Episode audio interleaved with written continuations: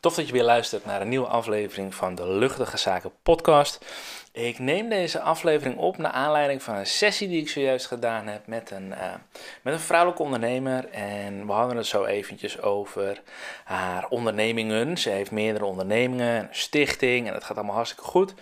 En waar zij heel erg mee bezig is, is het vinden van de balans tussen het genieten met het gezin en genieten van de tijd en de vrijheid die haar um, ondernemingen haar geven. En tegelijkertijd het knallen en uitbreiden en uitbouwen van haar bestaande bedrijven.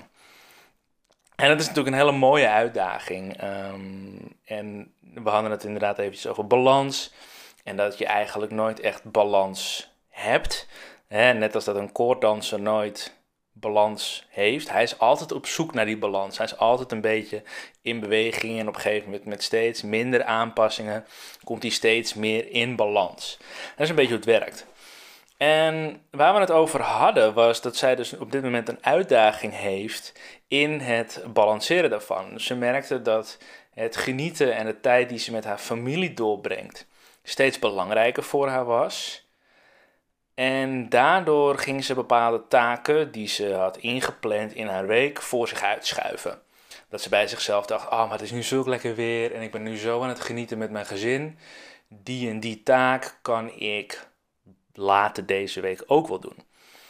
En zo ontstond het dat haar zaterdag opeens een soort van afvalbak aan, uh, aan overgebleven taken was. En ze opeens nog een hele werkdag uh, erbij had.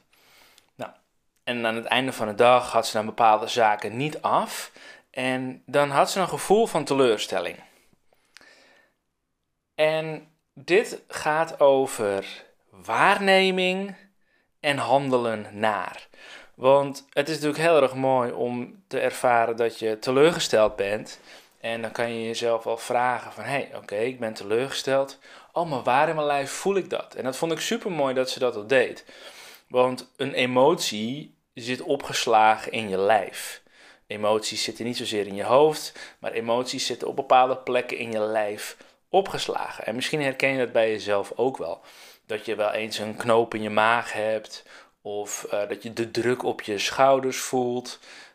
Je, en dus al die emoties, die zitten in je lijf opgeslagen. En dat wist zij ook wel. Dus zij merkte dat haar teleurstelling op haar keel sloeg. Dus ze voelde dan een bepaalde druk op haar keel. Dat nam ze dus waar, dat was haar observatie. Maar vervolgens nam haar hoofd het weer over en zei haar hoofd dus: Ja, oké, maar als je nou deze to-do-lijst gewoon even afmaakt, dan ben je er ook maar gewoon vanaf. Maar dat is natuurlijk niet per se wat je nodig hebt. Dus enerzijds is het heel erg mooi dat je kunt waarnemen in je lichaam. Van hé, wat voel ik nou eigenlijk? Wat gebeurt er nou eigenlijk? Ehm, maar vervolgens ook de tijd neemt en de aandacht en het vertrouwen in jezelf hebt. Dat je vanuit liefde voor jezelf ook kunt kijken: oké, maar wat heb ik dan nodig?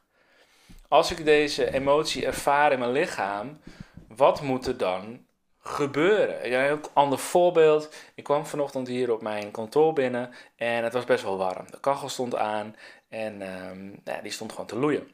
Dus up, jas uit, uh, mouwen opstropen van mijn overhemd. En zo had ik, uh, ja, voelde ik me wat aangenamer. Vervolgens ging ik zitten en had ik een online sessie met deze onderneemster. En ik sluit de sessie af en ik voel ineens bij mezelf: hé, hey, ik heb het best wel koud. Maar hoe kan dat? De temperatuur in het gebouw hier is niet veranderd. Maar door het stilzitten is mijn lichaam een stuk afgekoeld. En dit is precies hetzelfde. Dus ik neem waar dat mijn lichaam is afgekoeld.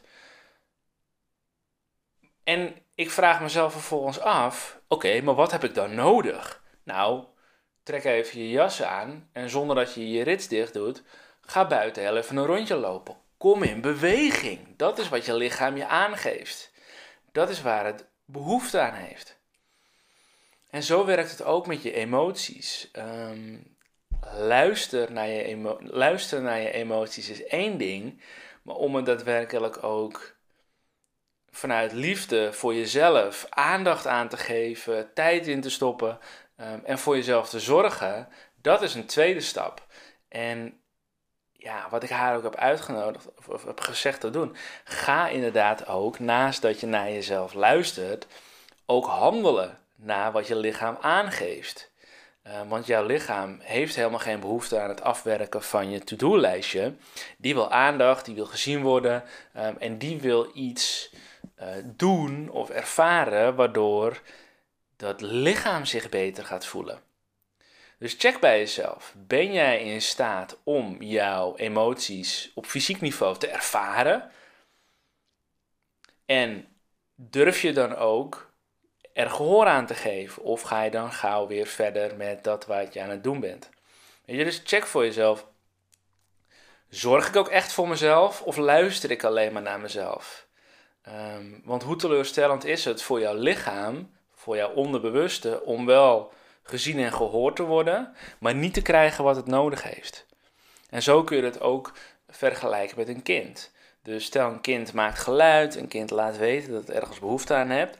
Je ziet het, je hoort het, je begrijpt het, misschien. Maar vervolgens ga je verder met wat je aan het doen bent. En zeg je tegen, jou, tegen dat kleine kind, joh, je redt jezelf wel heel even, ga maar lekker buiten spelen. Dat innerlijk kind, om het zo meteen maar even te noemen, want het is gewoon een kind in jou, um, jouw emoties, dat wil graag gezien worden, dat wil graag gehoord worden en dat heeft iets nodig. En er is geen grotere teleurstelling voor jouw innerlijk kind dan wel herkend worden, maar niet de liefde en ruimte krijgen die het nodig heeft. Dus check voor jezelf of jij jezelf, jouw innerlijk kind, jouw, jouw zelf, je lichaam, kunt geven wat het echt nodig heeft, zodat het zich weer rustiger gaat voelen, meer op zijn plek, geliefd, zodat jij vanuit de juiste energie weer aan de slag kunt gaan met dat wat jij heel erg belangrijk vindt. Ik hoop dat dit heel erg waardevol voor je was. Um, luister je deze podcast, geef hem een, uh, een shout-out, uh, deel hem in je stories op Instagram of luister je deze via iTunes. Geef dan een 5 sterren review. Luister ook naar andere afleveringen over mindset, over hoe je meer in contact kunt komen met jezelf. Hoe je je oude verhalen los kunt laten en hoe je jezelf vooral ook een nieuw verhaal kunt vertellen. Heel erg bedankt voor het luisteren en tot de volgende keer. Hoi hoi.